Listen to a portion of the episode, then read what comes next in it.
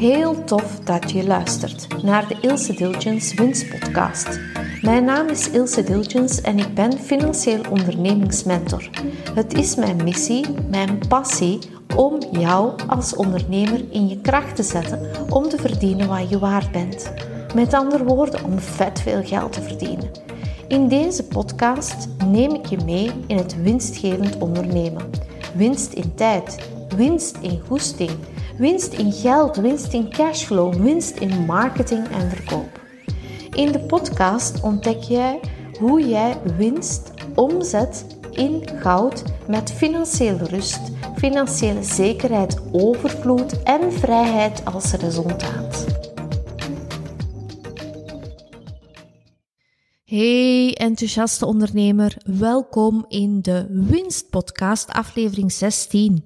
Fietsavontuur versus oplichtersangst.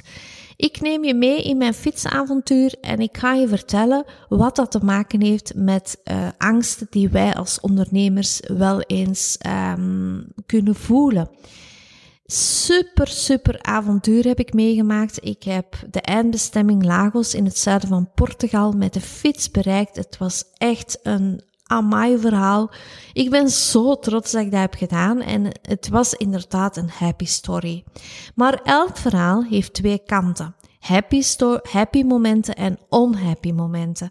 En ik ga je vertellen wat die unhappy momenten wel kunnen zijn en wat dat voor jouw business kan betekenen. Maar hoe zat dat ook weer in elkaar, dit verhaal? Tom, mijn man, is een vervent fietser en wou al heel lang met de fiets van Schriek naar Lagos gaan uh, fietsen.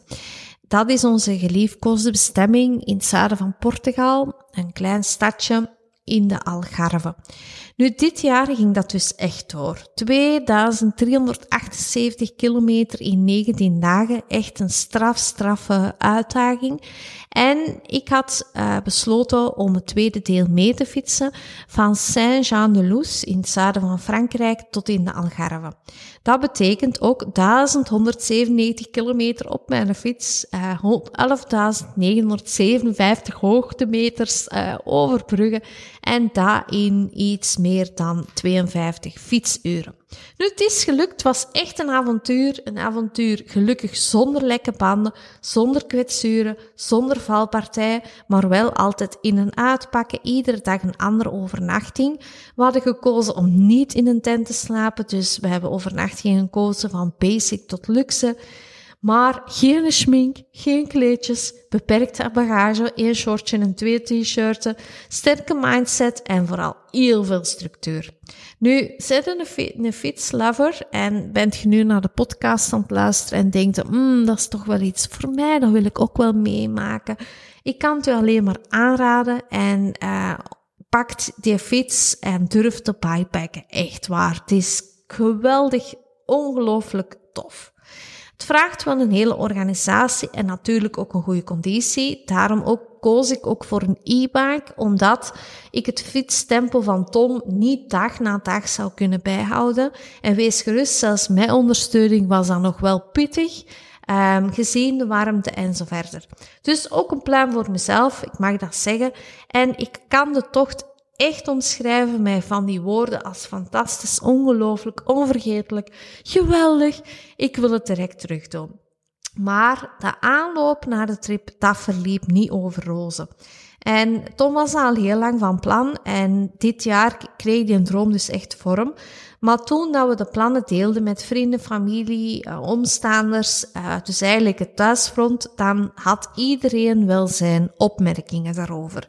Zeker dat ik ook nog eens ging meefietsen en dan nog eens met een elektrische fiets. Uh, toen kwamen echt alle soorten uitdagingen die zij wel vonden dat wij moesten rekening mee houden op ons pad van, uh, hey, wat gaat dat wel kosten? Waar gaan jullie slapen als je geen tent meeneemt? Welke mankementen gaan allemaal aan uw fiets? Um, wat, gaat, wat gaat er allemaal aan uw fiets gebeuren? Jullie weten niet waar dat je aan begint. Je hebt geen ervaring, dat gaat nooit lukken. Ilse, je hebt daar niet genoeg voor getraind en zeker niet gericht. De batterij van uw fiets gaat dan niet aankunnen en wat gaat u die fiets onderweg opladen?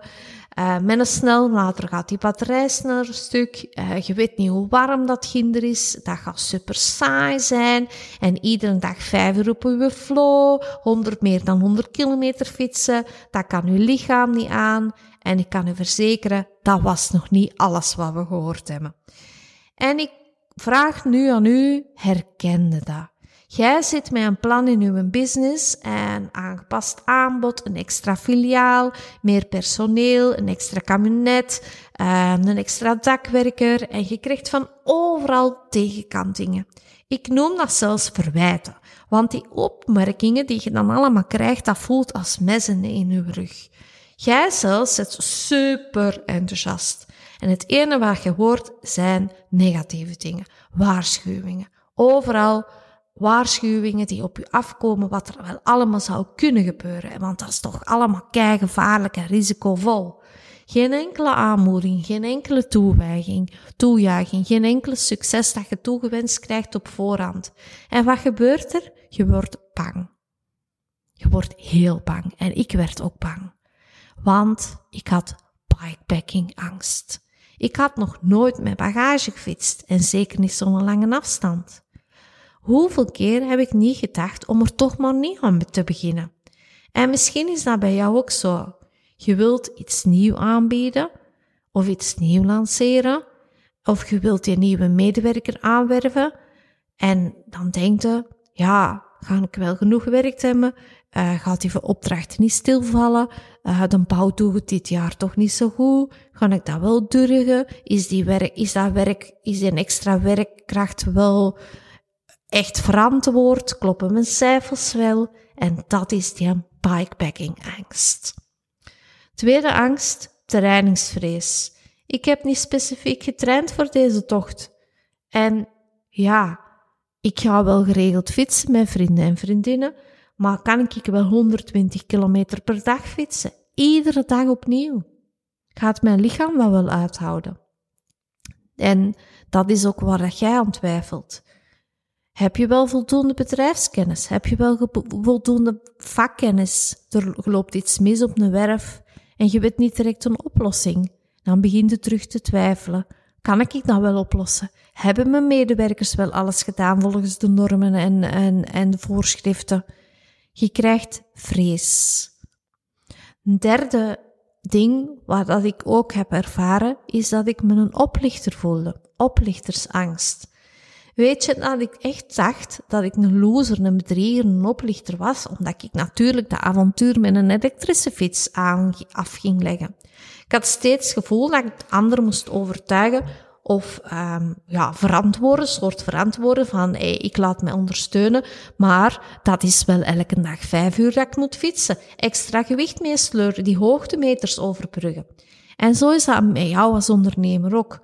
Je voelt je soms een oplichter, omdat als je een nieuw aanbod hebt of iets nieuw in die markt zet, of uh, met een nieuwe machine komt en, er, en je hebt nog niet alles 100% onder de, onder de knie, dan zit je bang dat je als een knoeier wordt aanzien. Je denkt dan dat je je klanten in zak kan zetten zet. Of stels, als je een nieuwe prijs vraagt of een hogere prijs, dan denkt je, moet ik dan weer niet meer doen? Want ja, voor een hogere prijs moet je meer um, service leveren. Maar is dat wel zo? Jij bent geen oplichter, dat weet ik wel voor jou bij. Want ik heb goed nieuws. Al die angsten, die bikepacking angst, die trainingsvrees, die oplichtersangst, dat slaagt echt op niks. Echt op niks. Het enige wat fundamenteel juist moet zitten, dat zijn je bedrijfsfundamenten waarop dat je steunt. En zitten die goed, dan kun je verder verdiepen en nieuwe beslissingen nemen. Twee dingen dat je rekening moet mee houden. Altijd jezelf heel goed informeren en durf vragen te stellen. Durf je twijfels met de juiste mensen bespreken. Nu, Tom, toen ik inpikte, was al tien dagen onderweg en hij had natuurlijk al het een en ander ondervonden en dat konden we dan ook al bijsturen. En vanaf dag 11 reed ik mee en dan waren eigenlijk de meeste obstakels door Tom al overwonnen. Nu, ik had me thuis ook voldoende geïnformeerd bij specialisten over rijden met een elektrische fiets. Maar had ik voldoende vragen gesteld? Nee, we wisten niet alles, maar toch veel. En uh, waren onze angsten dan ook allemaal weg uh, toen, we, toen we ons doel bereikten? Nee, maar wel bijna. En uiteindelijk um, hebben we het gedaan. We zijn gefietst van uh, Tom van Schreek naar Lagos, ik van Saint-Jean-de-Luz naar Lagos. Het is ons gelukt. En um, het zou zonde zijn dat die drie angsten ons hadden verlamd en dat we die fietsavontuur niet zouden aangepakt hebben. Dus voel ik mij een oplichter helemaal niet. Uh, nu die spanning, die uitdaging, die verrassing, het euforisch moment, wanneer het lukt en de lessen die je daaruit geleerd hebt en wat het is tegenslagen en je hebt, er, en je hebt dat overwonnen, dat maakt u gewoon veel sterker en dat maakt het een heerlijk, een kei tof verhaal. En eerlijk gezegd willen we dat als ondernemer niet allemaal, die spanning voelen, die uitdaging voelen, die verrassingen meemaken. Ik wel en jij ook. Ik ben er zeker van. Heb je businessplannen en krijg je tegenkantingen? Um, bespreek het met mij. We overleggen dat samen. En uh, wil je nog meer weten over uh, slimmer werken en meer verdienen? Koop dan zeker mijn boek en uh, lees het. En je kan de link naar het boek Werk Slimmer Verdien Meer vinden in show notes. En ik hoor je, ik uh, inspireer je graag in de volgende aflevering. Tot dan, groetjes!